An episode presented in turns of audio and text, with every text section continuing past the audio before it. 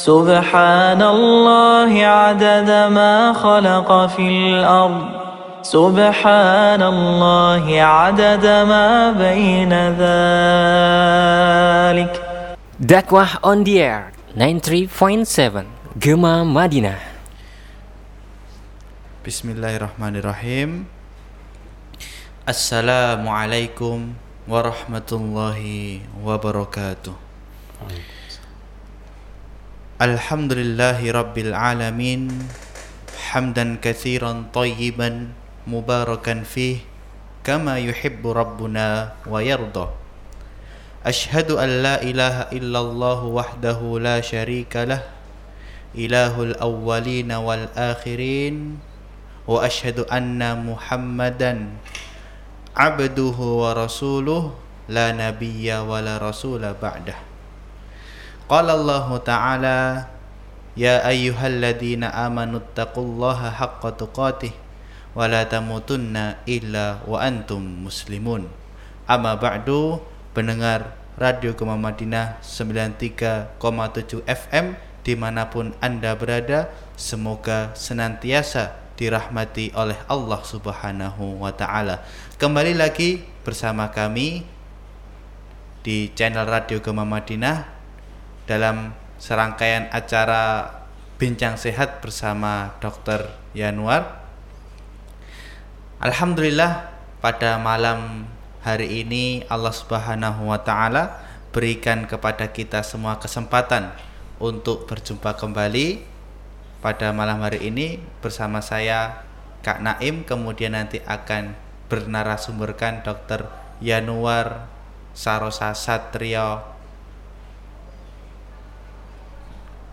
Para pendengar Radio Gema Madinah 93,7 FM Sebelum kita mulai bincang-bincang kita bersama dokter pada malam hari ini Alangkah baiknya kita sapa beliau terlebih dahulu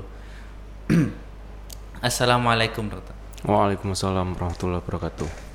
Eh, Antum sehat aja dokter Alhamdulillah, sehat. Meskipun hujan-hujan Iya.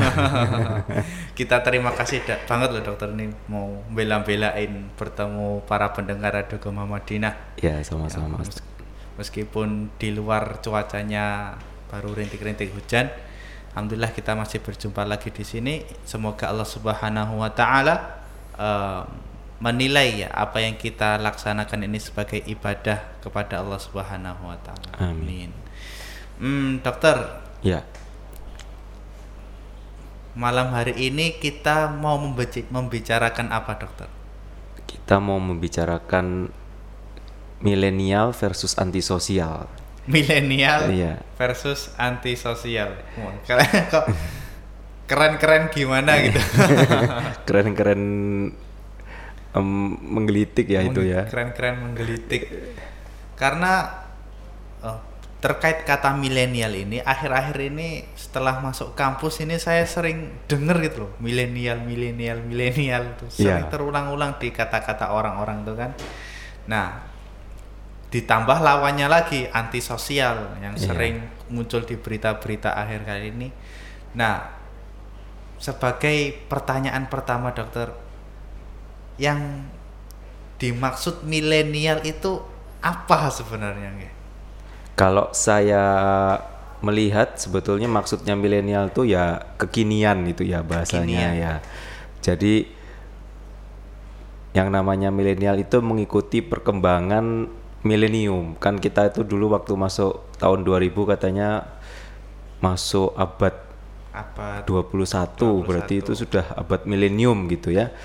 Nah, akhirnya itu berdampak pada seluruh aspek kehidupan manusia, tidak terkecuali secara psikologis pemikiran-pemikiran manusia itu menjadi manusia-manusia yang mengikuti perkembangan zaman manusia sebetulnya. mengikuti perkembangan zaman? Yang teknologi yang semakin canggih, kemudian juga informasi arusnya yang semakin Deras. deras tanpa bisa dibendung dan Iya. lain sebagainya disertai dengan ya contoh-contoh dari para tokoh-tokoh yang hidup di zaman ini ya sehingga itu menjadi suatu pola perilaku dan pemikiran yang milenial katanya Jadi pokoknya zaman now atau kekinian atau milenial itu sebetulnya punya maksud yang sama. Intinya pemikiran zaman now. Jadi apa yang dilakukan manusia itu harus sesuai dengan yang sekarang ini. Jadi yang full teknologi, abad digital, semuanya serba praktis, tidak ada lagi yang lama, semua serba cepat dan lain sebagainya. Ya, berarti uh, milenial ini kata lain dari masa kekinian. Ya, Bang, kekinian lah. Tapi saya sering dengar sih dari omongan orang, ah kamu nih dasar anak milenial itu katanya. Iya. Itu maksudnya gimana? Anak milenial tuh ada anggapan bahwa kultur dan budi pekerti itu sudah bergeser. Jadi anak milenial itu dianggap anak yang mungkin kalau secara sosial dia kurang peka ya terhadap sosial. Bahkan kurang peka sosial. Ya, terus kemudian secara sopan santun, unggah-ungguh kalau orang Jawa bilang itu Iya. ya kurang gitu. Karena memang zaman now itu ya ah nggak gitu-gitu banget kata anak zaman now kan. nggak harus yang inggih, apa-apa inggih. Jadi semua bisa bersuara. Orang tua bisa diargumentasi gitu kan. Ya pokoknya kalau tidak setuju dengan orang tua dia ber- harus berani mengungkapkan pendapat. Dan memang itu yang disampaikan di era milenium ini. Kemudian anak zaman now itu kan ya dia cenderung untuk menggunakan fasilitas-fasilitas kekinian ya dibanding dengan menggunakan apa yang sudah di dulu diajarkan oleh mungkin zaman saya dulu ya orang tua orang tua zaman dulu gitu Antum belum tua ya. Iya. Tapi saya bukan milenial karena saya zaman or- orde lama, eh orde baru ya. Jadi lahirnya orde baru. Nah, kalau yang milenial itu mungkin yang lahirnya setelah reformasi itu ya. Reformasi. Nah, an- tahun 98 reformasi ke atas. terus ke atas 2000 terutama. Nah, itulah memang sangat berbeda ya. Anak zaman dulu itu kan terkesan patuh Ya, nurut. apa kata orang tua? Iya. Kemudian dia tidak berani bicara. Kalau orang tuanya belum makan dia tidak berani makan duluan lah seperti itu. Kemudian eh, mereka masih belajar dengan tulisan membaca, kemudian papan tulisnya masih kapur gitu ya kalau sekarang anak Dihapus, milenial iya Ibunya masuk hidup. Ya, kalau anak milenial sekarang semua pakai gadgetnya itu yang kemarin kita bicarakan, semua pegang handphone, terus eh, semuanya serba digital ya, apa pun serba kirim foto, kirim share, share dan sebagainya. Zaman dulu mana ada seperti itu. Jadi akhirnya itu terbentuk image bahwa anak seka- zaman sekarang ini ya kurang peka secara sosial dan kurang punya tata krama ya kalau saya bilang itu ya. Jadi dibilang anak milenial tuh karena itu kali ya. Tapi ya sebetulnya nggak semua anak milenial begitu juga Nggak sih. Semuanya. Jadi Gitu. memang ada beberapa apa orang yang terkecualikan gitu. Iya. Masya Allah berarti memang anak milenial ini darurat sekali. Darurat. Oh, Oke, selanjutnya dokter apa sih keistimewaannya milenial milenial? milenial tuh istimewa ya karena Istimewa. karena semua menjadi lebih mudah dengan era teknologi ini ya. Eh, industri 4.0 itu kan mem- membuat kita semua lebih jauh lebih mudah ya. Ta- Walaupun digital itu kadang-kadang menyulitkan bagi orang gaptek gitu ya. Iya. Seperti saya ini orang lumayan gaptek ini agak menyulitkan tapi sebetulnya kalau dipikir-pikir dan semuanya dilakukan dengan sesuai prosedur itu sebetulnya semua akan menjadi lebih mudah ya. mudah. Jadi sekarang zaman sekarang kalau pengen tahu informasi apa tinggal cari di internet jadi sudah. Sebetulnya masalah kekurangan informasi sudah tidak ada lagi. Kalau zaman dulu kita kan masih Iya. bagaimana ya? Koran masuk desa aja sudah alhamdulillah gitu kan. Kadang berhari-hari. Iya, dulu ada televisi masuk desa udah ribut gitu kan. Nah, kalau zaman sekarang rasanya itu sudah tidak ada lagi keistimewaannya. Jadi setiap orang sudah punya dengan gadgetnya sendiri. Semua media itu. Semua media juga sudah dia kuasai, jadi semua serba mudah sebetulnya. Itu kelebihannya milenial dan serba lebih tahu akhirnya. Iya. Kalau dibilang lebih pintar ya mungkin lebih pintar ya. akhirnya dia merasa lebih pintar dari orang lain gitu ya. Ya ini memang seperti itulah milenial. Jadi karena mungkin lebih banyak tahu dibanding zaman saya dulu orde baru itu. Jadi semua mereka dalam genggaman.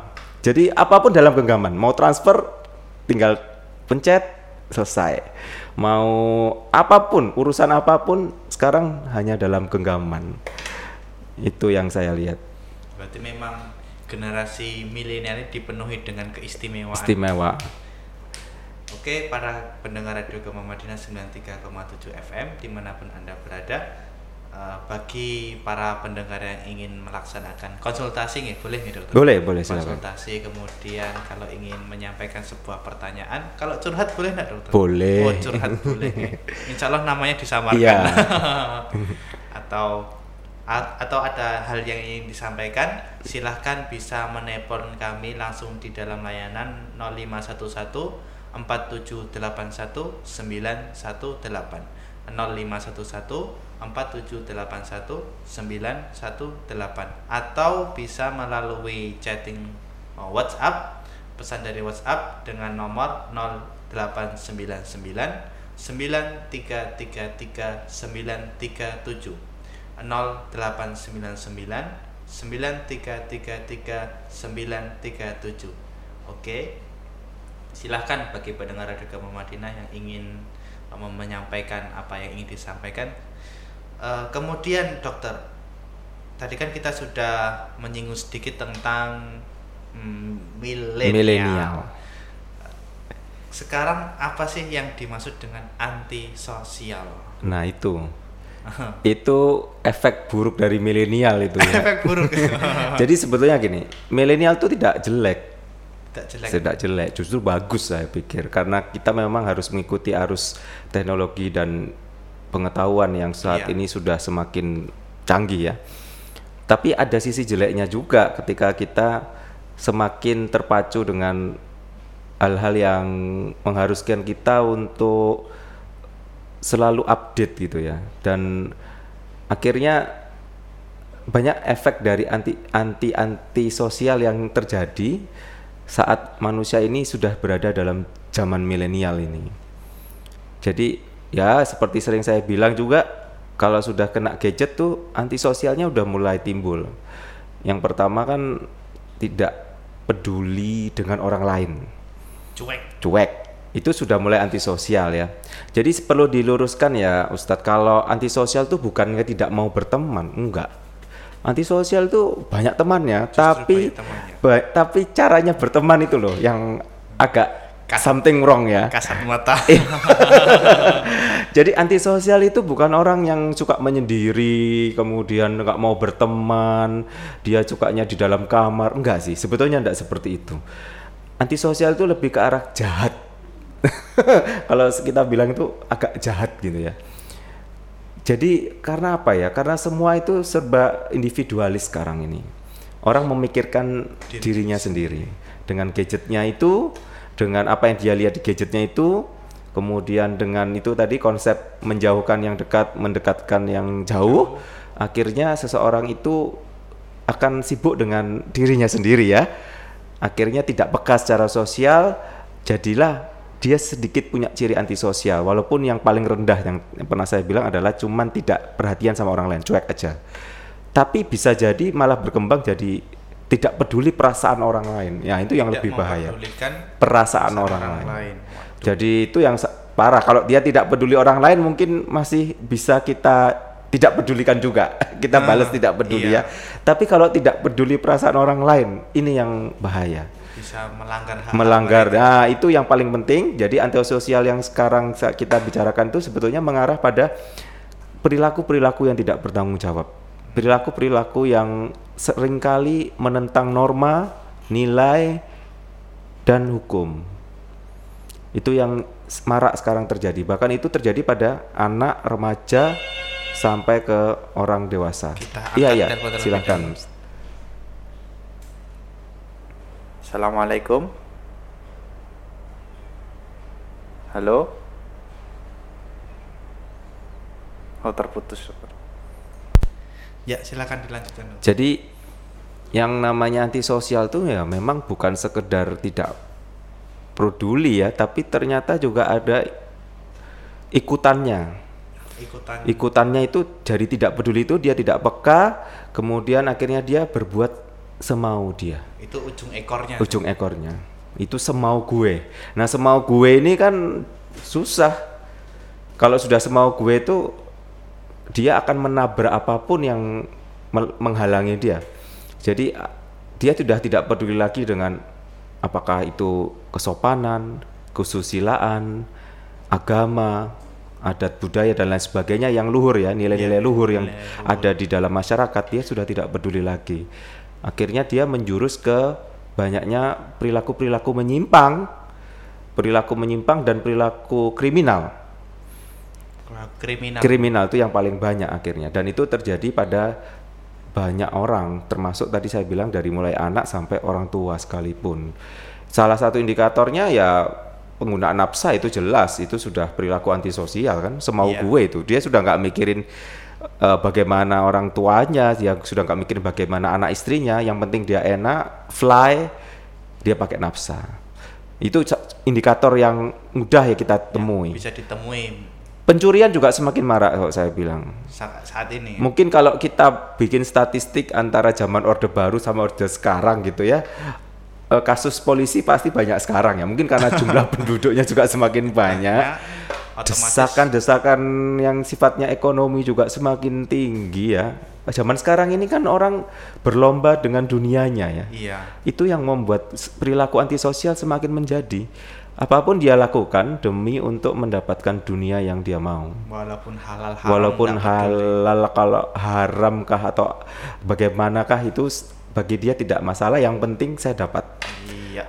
nah itu yang nauzubillah min dzalik luar biasa terjadi itu di sini Kemudian bagaimana sih maksudnya itu eh, perkembangan teknologi di zaman ini di kekinian ini bisa mengajarkan sifat antisosial itu seperti apa? Ya. Teknologi sekarang itu kan tidak bisa memfilter apa yang harus diberikan pada penggunanya. Jadi kan penyedia itu kan tidak mungkin dia mengseleksi gitu ya. Mungkin memblok beberapa fitur atau situs oke lah. Tapi kan yang lain-lain juga tetap Karena tidak bisa ya kan? sekali. contoh WhatsApp aja itu kan kita bisa menyebarkan apa pun yang kita Iya. mau. Misalnya nih ya ada guru nih memarahi muridnya sampai memukul atau apa terus ada salah satu murid nih me- video secara diam-diam. Terus dia sebar gitu kan. Nah, akhirnya semua tahu kan perilaku kekerasan itulah yang mungkin menjadi contoh-contohnya model-modelnya. Akhirnya orang oh ya kayak gitu aja ya enak ya. Ternyata dengan cara seperti itu selesai masalah. Nah itu kan semua bisa dibendung. Kalau masalah kita menggunakan internet mungkin masih kita men-search sesuatu yang sifatnya kriminalitas atau apa masih ada yang diblok walaupun tidak semuanya. Iya. Tapi kalau arus-arus Facebook, medsos lah intinya seperti itu. Itu tidak bisa dibendung. Apa yang kita videokan langsung tersebar sudah. Tersebar begitu saja. Tersebar begitu saja tanpa filter, tanpa ada yang mengkontrol ini boleh nggak sih konten ini disebarkan. Akhirnya orang itu ya seperti itu. Terpacu dia ada input-input masukan-masukan dalam otaknya bahwa begini loh cara penyelesaian masalah zaman now. Termasuk ya mungkin dengan kekerasan, bullying, terus perilaku-perilaku menyimpang yang dulu nggak ada, Dulu nggak ada. sekarang nggak banyak gitu ya. Berarti da- zaman dahulu tidak pernah dibayangkan. Mungkin zaman dulu ada, tapi tidak pernah diekspos. Tapi sekarang Kalau sekarang kan sem- semua diekspos, Ustaz. Iya. Nah itu yang jadi antisosialnya itu mengarahnya ke situ karena semua terekspos.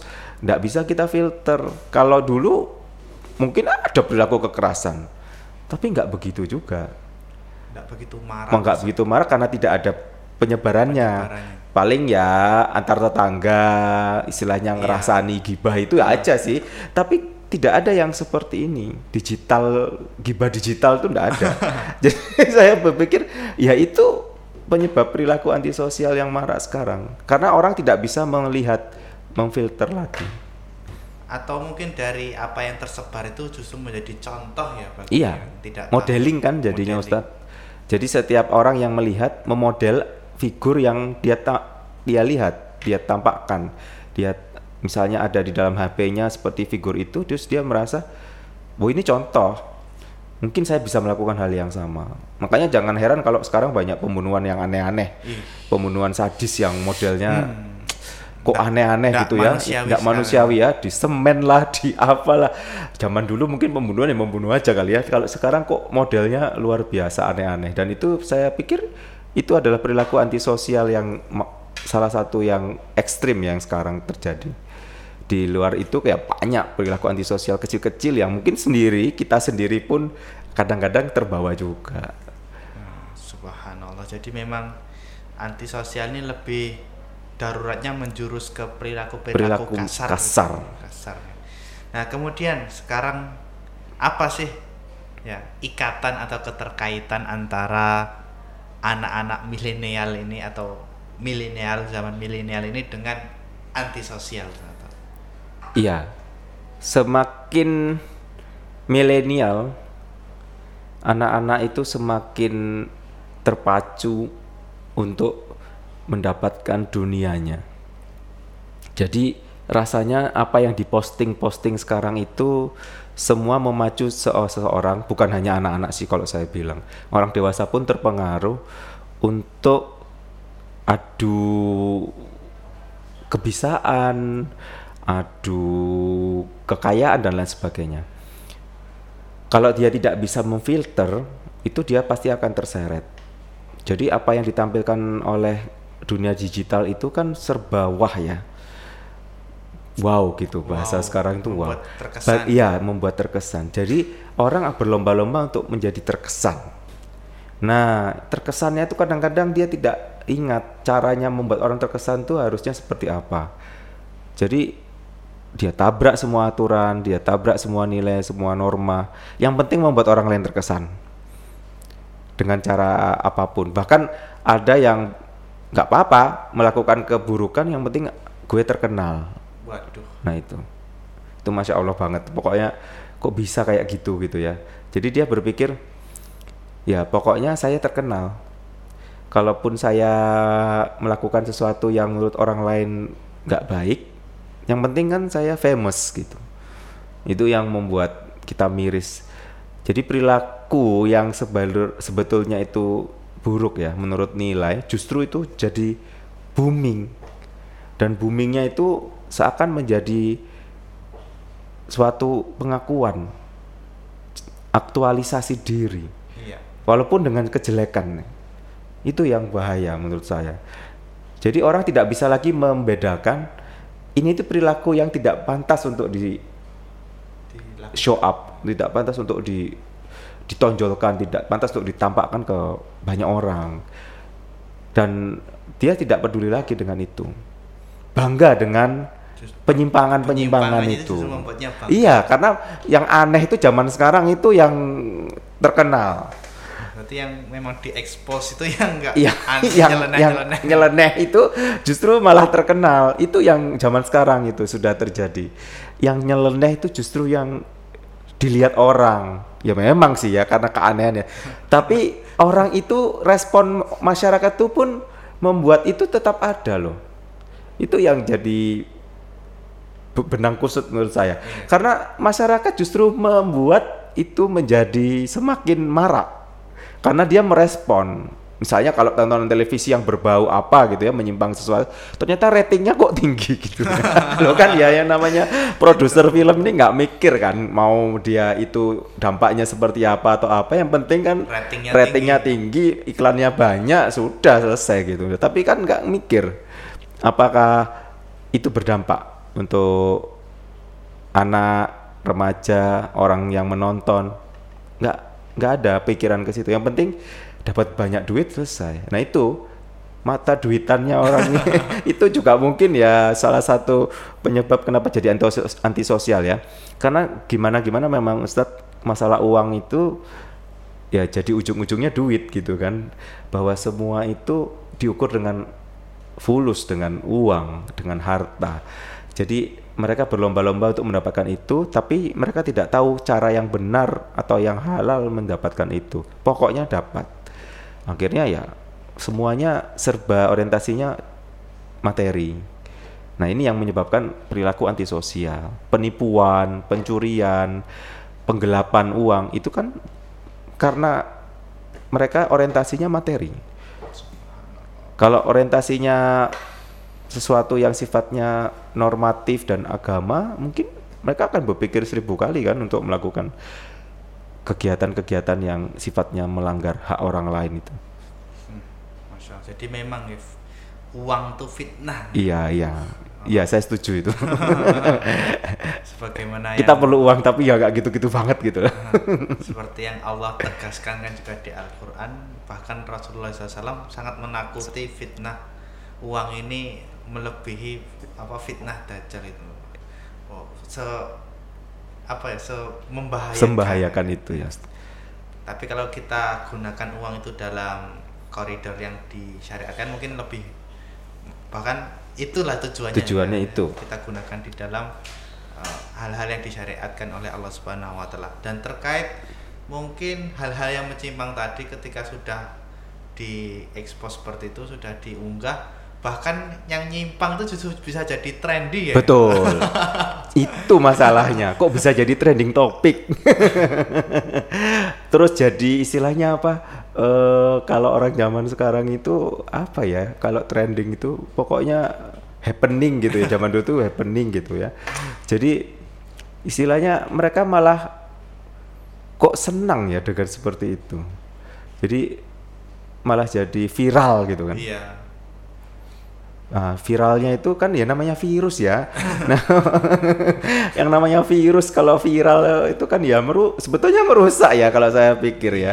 Kita kan kalau main komputer ada virusnya itu kan rusak itu datanya Penyakit ya. ya. Penyakit sebetulnya ya itu cocok juga kata-kata viral itu ya karena yang diviralkan tuh kadang-kadang sesuatu yang sifatnya akhirnya merusak secara akal.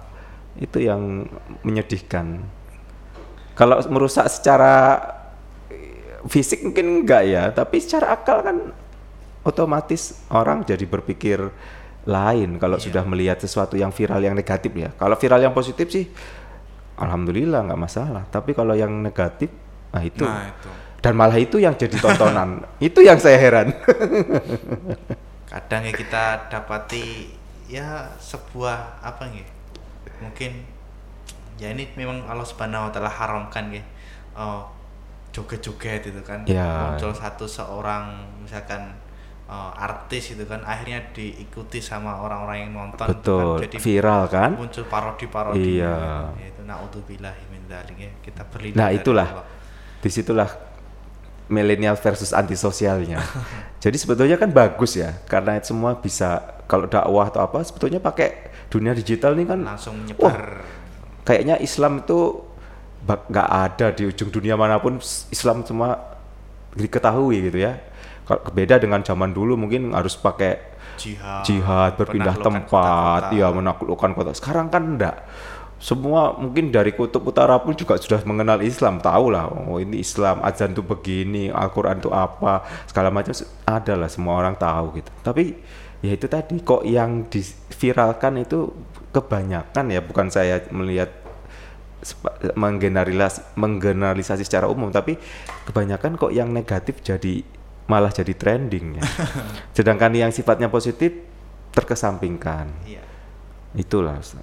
bahkan terkadang kita ya tentang kebutuhan dakwah ini dokter kita gunakan media sosial itu untuk menyampaikan mungkin jadwal kajian kemudian informasi-informasi eh, pengobatan gratis Ya. itu lebih mu- memudahkan. Lebih mudah. Beda seperti zaman dahulu waduh Pakai kertas, pakai nempel-nempel di Iya. jalan-jalan pakai spanduk Pakai spanduk. bawa, bawa ke Biayanya juga mahal, kan? Iya. sekarang butuh- sekarang lebih mudah. mungkin cuman melayout gambar sebentar Selesai. share share. Ya, memang sebetulnya banyak manfaatnya. Kalau dibuat sesuatu yang bermanfaat, tatatannya itu. Kalau dibuat sesuatu yang non manfaat ya bisa juga. Dan itu yang banyak. Kemudian eh, boleh nggak saya bertanya dokter bahaya bahaya apa saja yang mengancam di era milenial ini dok Ya, bahayanya itu tadi. Yang pertama eh, kepekaan sosial seseorang sangat semakin berkurang. menipis Menipis. hilang Jadi itu akan menjadi polemik di masyarakat karena kan satuan terkecil dari masyarakat itu kan individu. Individu. Orang. Kalau orangnya sudah nggak peduli satu nggak peduli dua nggak peduli tiga nggak peduli akhirnya masyarakat jadi tidak peduli. Masyarakat yang tidak peka secara sosial juga masyarakat yang rusak. Patologis. Kalau bahasa kedokterannya ya patologis. Mereka punya penyakit penyakit sosial itu. Jadi bahayanya nomor satu itu ya penyakit sosial ya. Penyakit sosial. Penyakit sosial kan banyak ya. Penyakit sosial ini kan sudah kelihatan loh bahkan kalau saya pikir. Mulai dari penyimpangan seksual kemudian kriminalitas kemudian eh, aksi-aksi teror aksi-aksi yang sifatnya itu mengancam hak-hak orang lain itu kan banyak. Sangat-sangat gampang kita jumpai. Dan itu menjadi seperti hal yang akhirnya marak dan jadi kayak biasa gitu. Walaupun cikal bakalnya dari individu. Individu. Tapi kan individu ini kalau misalnya saat ini ibarat tubuh ya Ustadz ya. Kalau sel ini kan satuan terkecil dalam tubuh nih. Sel. nah sel baru jaringan jaringan organ organ baru body kita ini baru tubuh kita ini. Dan seperti itulah masyarakat juga. Kalau individunya ada satu yang sakit berarti kan satu sel ini sakit seperti nih kanker gitu. Ya, iya seperti itu. Nanti dua sakit, tiga sakit. Wah, akhirnya fungsi keseluruhan masyarakat sebagai satu organ atau sebagai individu itu kan seperti masyarakat yang sakit. Pasti ada gagal organ kalau di Iya. tubuh ya kan. Ya kalau ini ada gagal sesuatu yang gagal di masyarakat, walaupun tidak semua gagal, tapi ternyata ada kegagalan-kegagalan. Nah itulah yang kita sebut dengan penyakit sosial. Penyakit sosial tuh ya macamnya luar biasa banyak. Itu bahaya nomor satu. Ya, nomor satu Terus degradasi moral ya kan? apa itu Degradasi. Degradasi moral tuh ya moralitas kita turun ya. ya itu tadi yang tidak sopan terus zaman sekarang itu kayaknya itu hal yang biasa padahal dulu itu hal yang tabu kan begitu.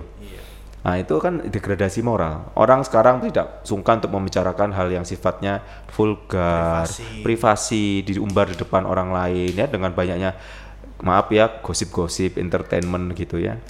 Itu membuat orang jadi tahu kan urusan rumah tangga orang lah, apalah. Nah itu kan degradasi moral. Jadi akhirnya nampaknya nilai-nilai moral luhur itu luntur. Tidak seperti zaman dulu dijaga betul prinsip-prinsip apa yang tidak boleh disebar, apa yang boleh itu kan. Kalau sekarang semua boleh. Akhirnya degradasi moral. Sudah penyakit sosial, degradasi moral.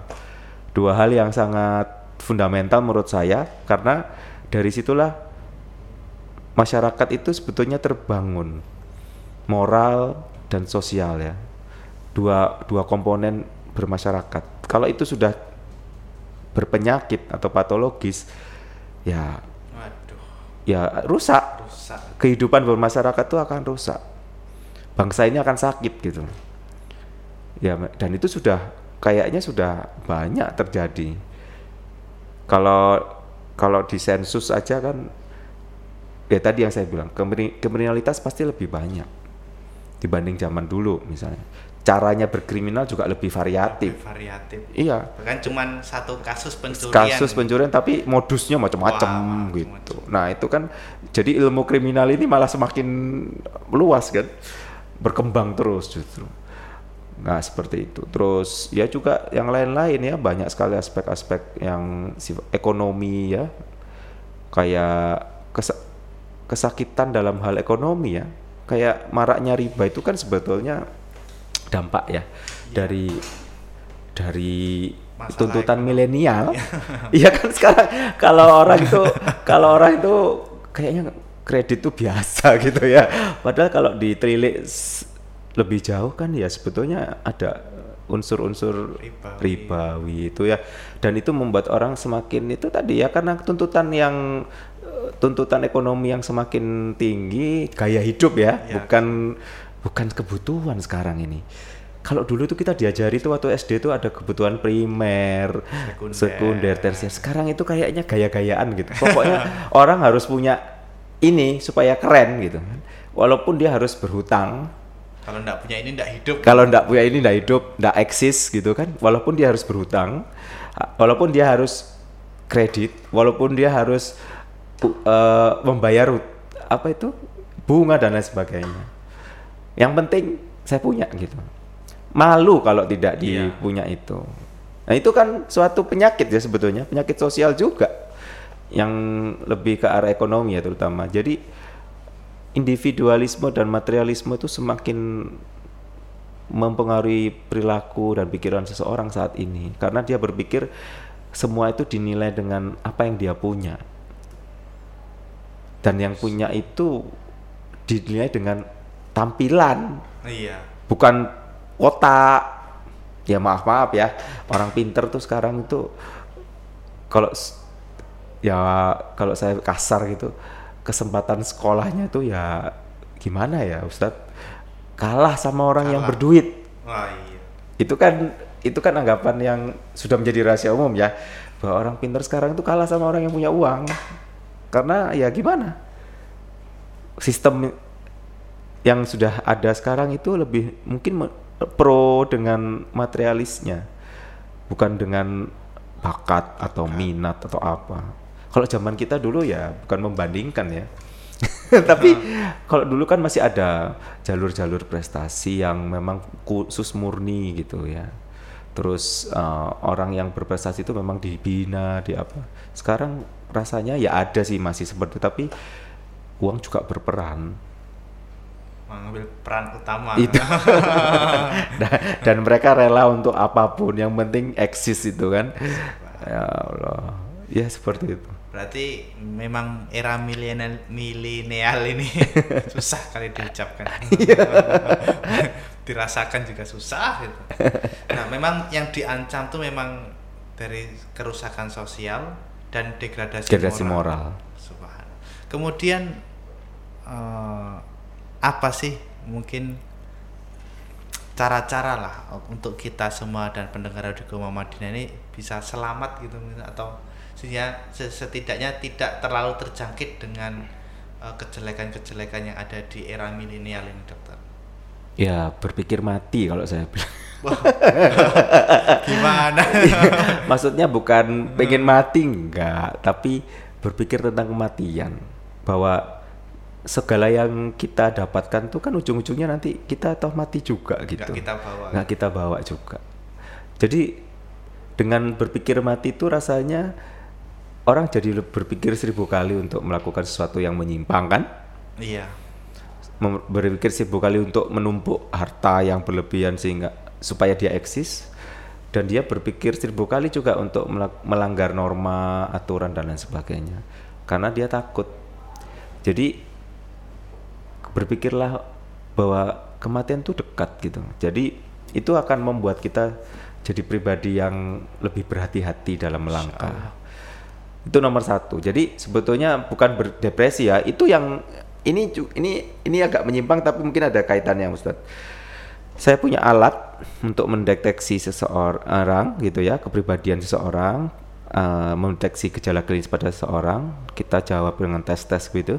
Karena alat itu dibuat oleh orang Amerika orang Barat gitu ya. Kalau kita akhir-akhir ada ada namanya pernyataan akhir ini akhir-akhir ini saya bersering berpikir tentang kematian maka yang namanya alat ini akan menerjemahkan sebagai gejala depresi. Padahal kan enggak enggak enggak, enggak tentu ya. Belum tentu. tidak belum tentu seperti itu. Belum tentu seperti itu. Bisa jadi nilai spiritualitas orang itu meningkat ketika dia berpikir tentang kematian. Kematian. Jadi itu nomor satu deh. Kalau kita berpikir tentang kematian, bagi kita seorang Muslim yang notabene kalau mati nggak bawa apa-apa, memang ya beda dengan yang lain. Tapi kalau kita kan yang mati bawa apa sih? Bawa kain kafan itu aja sudah kan. itu maksimal itu maksimal. Mau bawa apa lagi gitu kan? Mobil yang kita punya nggak kita bawa. Apartemen. apartemen yang kita punya nggak itu sertifikat sertifikat tuh nggak kita bawa. Jadi ya tapi bukan berarti kita terus ingat mati terus kita enggan dengan dunia enggak sih. Maksud saya seimbang lah. Ketika kita mau mengejar dunia itu kita ingat juga bahwa dunia itu nggak selamanya kamu bisa kejar. Ternyata ada akhirnya juga dan akhirnya itu kamu tidak membawa apa-apa. Itu yang membuat mungkin nilai spiritualitas seseorang itu menjadi meningkat, Meningkat. karena dia berpikir tentang kehidupan yang akan terjadi setelah kehidupan yang kematian itu, kehidupan kematian namanya. Jadi ya harus bisa, harus bisa seperti itu. Kembali pada itu sebetulnya. Terus kemudian kalau kita berpikir tentang aturan, kembalilah pada Al-Quran ya. Iya. Jadi Al-Quran dan Sunnah ya. Di karena di situ sudah jelas kok. Di Al-Quran dan Sunnah itu sudah jelas kan aturan-aturannya. Aturan-aturannya. Sudah jelas kan. Kalau pegangan hidupnya kan sudah jelas di situ. Dan kita nggak akan tersesat kalau kita ikut dua hal itu. Itu sudah jelas. Ya itu Paten. paten loh. Berarti sudah itu kuhab dan KUHP-nya orang Islam tuh ya itu gitu kan. Ya sudah. Har- sudah kita li- baca, kita patuhi, kita serap, kita ilmui gitu ya. Itu ya memang memang obatnya di situ. Ya kalau Al-Qur'an itu penyembuh ya saya percaya karena memang dari situlah sebetulnya semua sudah sudah diatur di situ. Kita jangan melanggar. Kalau melanggar ya sakit gitu loh. Iya. Itu aja sudah. Jadi kembali pada Al-Quran dan Sunnah itu adalah salah satu cara supaya kita terhindar dari arus milenial yang negatif. Al-Quran tuh mengajarkan kita untuk milenial juga, tapi ada batas-batasannya. Jadi kan eh, Al-Quran tuh mengajarkan kita untuk bacalah misalnya. Itu kan hal yang milenial kan? Milenial itu. Bacalah itu sudah sesuatu hal yang milenial kan. Membaca itu bukan cuma membaca kitab, membaca semua yang ada di dunia ini kan itu juga milenial. Tapi ya itu tadi kan ada batas-batasnya. Mana yang boleh, mana yang tidak, mana yang baik, mana yang buruk. Dan semua itu sudah dijelaskan. di Sudah dijelaskan. Kalau Al-Quran tidak menjelaskan secara detail, ada hadis yang bisa menjelaskan secara detail. Apa sih yang dia maksud Al-Quran ini gitu kan. Jadi kalau Al-Quran itu GBHN gitu, itu ada ada penjelasannya di hadis itu apa sih maksudnya. Kalau kita meyakini kemudian kita mengamalkan, insya Allah kita bisa menjadi itu bisa menjadi benteng untuk arus milenial yang semakin nggak karuan itu. ya kembali itu. Jadi pertama ikut mati, yang kedua ya ingat Al-Quran sama hadis itu rasanya itu sudah su- senjata yang sangat ba- bagus ya untuk kita bisa survive di era milenial. Karena kan Al-Quran itu sifatnya sepanjang masa. Dia bisa ter bisa dipakai untuk segala zaman. Jadi kalau ada yang mengatakan Al-Quran itu ketinggalan zaman tuh itu lu- luar biasa itu. Itu ya. milenial. Itu milenial yang yang yang aneh menurut saya ya. Karena sebetulnya itu sepanjang masa loh. Jadi ilmu tentang kedokteran aja di Al-Qur'an itu luar biasa kalau saya melihat tuh eh bener juga ya. Tulang dibungkus darah, da- daging tuh. oh, itu kan kayak seperti itu tuh ternyata terjadi kan? Padahal dahulu belum ada. Nggak ada. penelitian. Kalau dalam ilmu kedokteran tuh ada yang namanya endoderm, ektoderm, mesoderm. Loh itu terjawab di Al-Qur'an. Kayak gitu itu. Jadi itulah sepanjang masa jadinya. Apa yang tertulis zaman dahulu baru dibuktikan zaman sekarang. sekarang. Luar biasa. Dan mungkin masih banyak lagi rahasia-rahasia yang belum terbukti. Dan yang tidak bisa kita ungkap. Insya Allah nanti se- sepanjang zaman barulah kita cocokkan. Oh, Iya, ternyata hadis kan juga banyak yang diteliti, Ustadz. Kenapa sih Rasulullah melarang ini, melarang itu, gitu kan? Beliau kan tidak menyebutkan alasannya. Tapi setelah diteliti oleh ilmuwan-ilmuwan, oh iya ternyata benar juga efek negatifnya ini, ini, ini. contoh kecilnya lalat itu ya. Iya. yang nyemplung air. Kenapa kita malah ndak di, malah disuruh sekalian tenggelamkan? Masukkan, tenggelamkan Kita- semuanya. Kita ganti airnya saja itu. Iya. Ternyata memang di sebelah sayapnya itu bawa obat, sebelah sayapnya itu bawa Penyakit, penyakit ya, seperti itu. semua, Masya Allah. Nah, kemudian para pendengar Radio Gema Madinah, bagi pian-pian seberataan yang punya pesan ingin disampaikan, kami silahkan untuk menghubungi layan kami di nomor 0511 4781 918. Silahkan. Atau lewat WA juga kami persilahkan. Eh,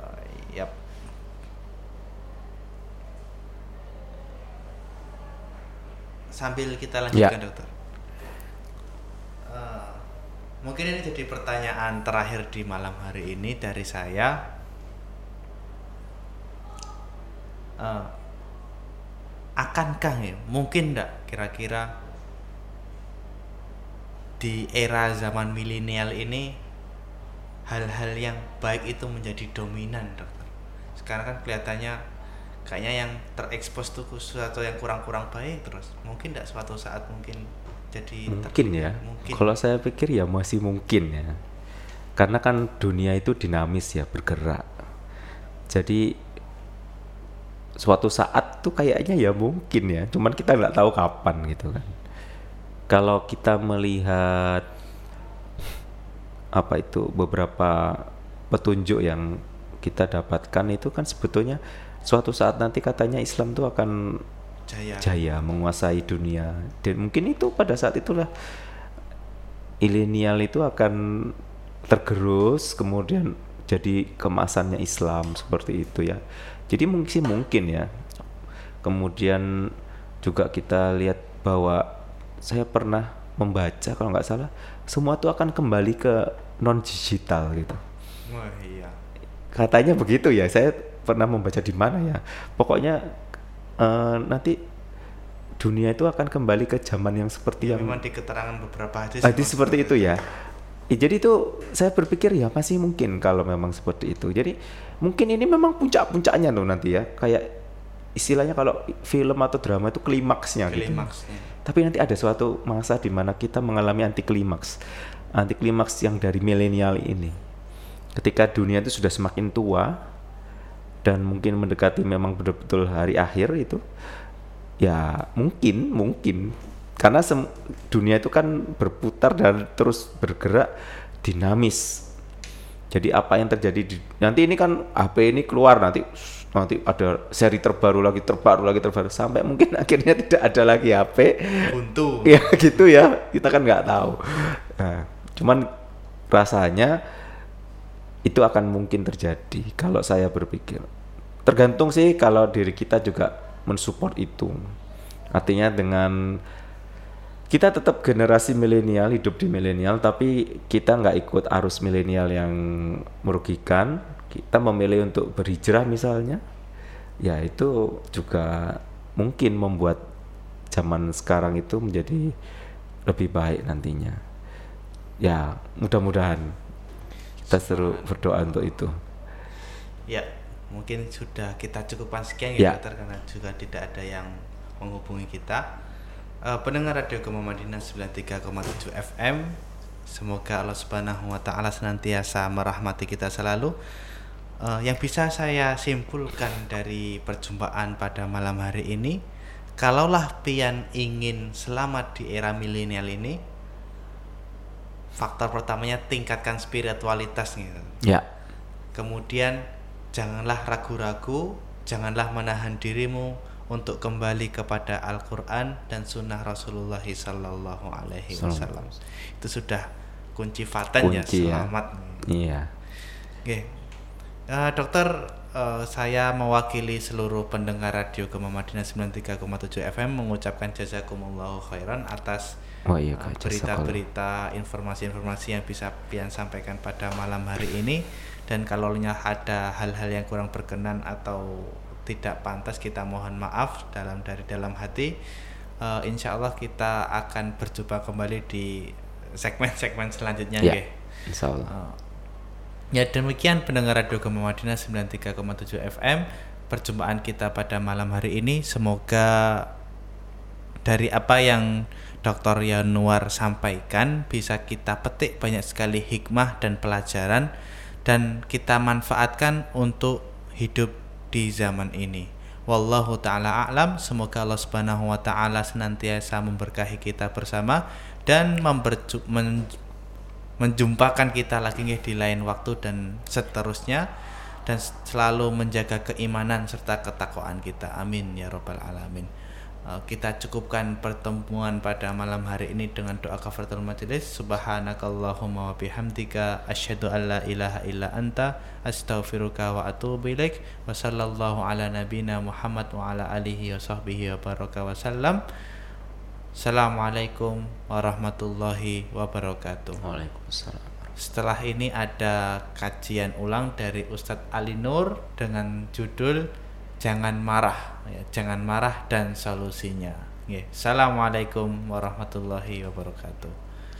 سبحان الله عدد ما خلق في الأرض سبحان الله عدد ما بين ذلك Dakwah on the air 93.7 Gema Madinah Assalamualaikum warahmatullahi wabarakatuh. إن الحمد لله نحمده ونستعينه ونستغفره ونعوذ بالله من شرور أنفسنا وسيئات أعمالنا. من يهده الله فهو المهتد ومن يضلل فلن تجد له وليا مرشدا. أشهد أن لا إله إلا الله وحده لا شريك له وأشهد أن محمدا عبده ورسوله الذي لا نبي بعده. وقال الله سبحانه وتعالى يا أيها الذين آمنوا اتقوا الله حق تقاته ولا تموتن إلا وأنتم مسلمون. يا أيها الذين آمنوا اتقوا الله وقولوا قولا سديدا.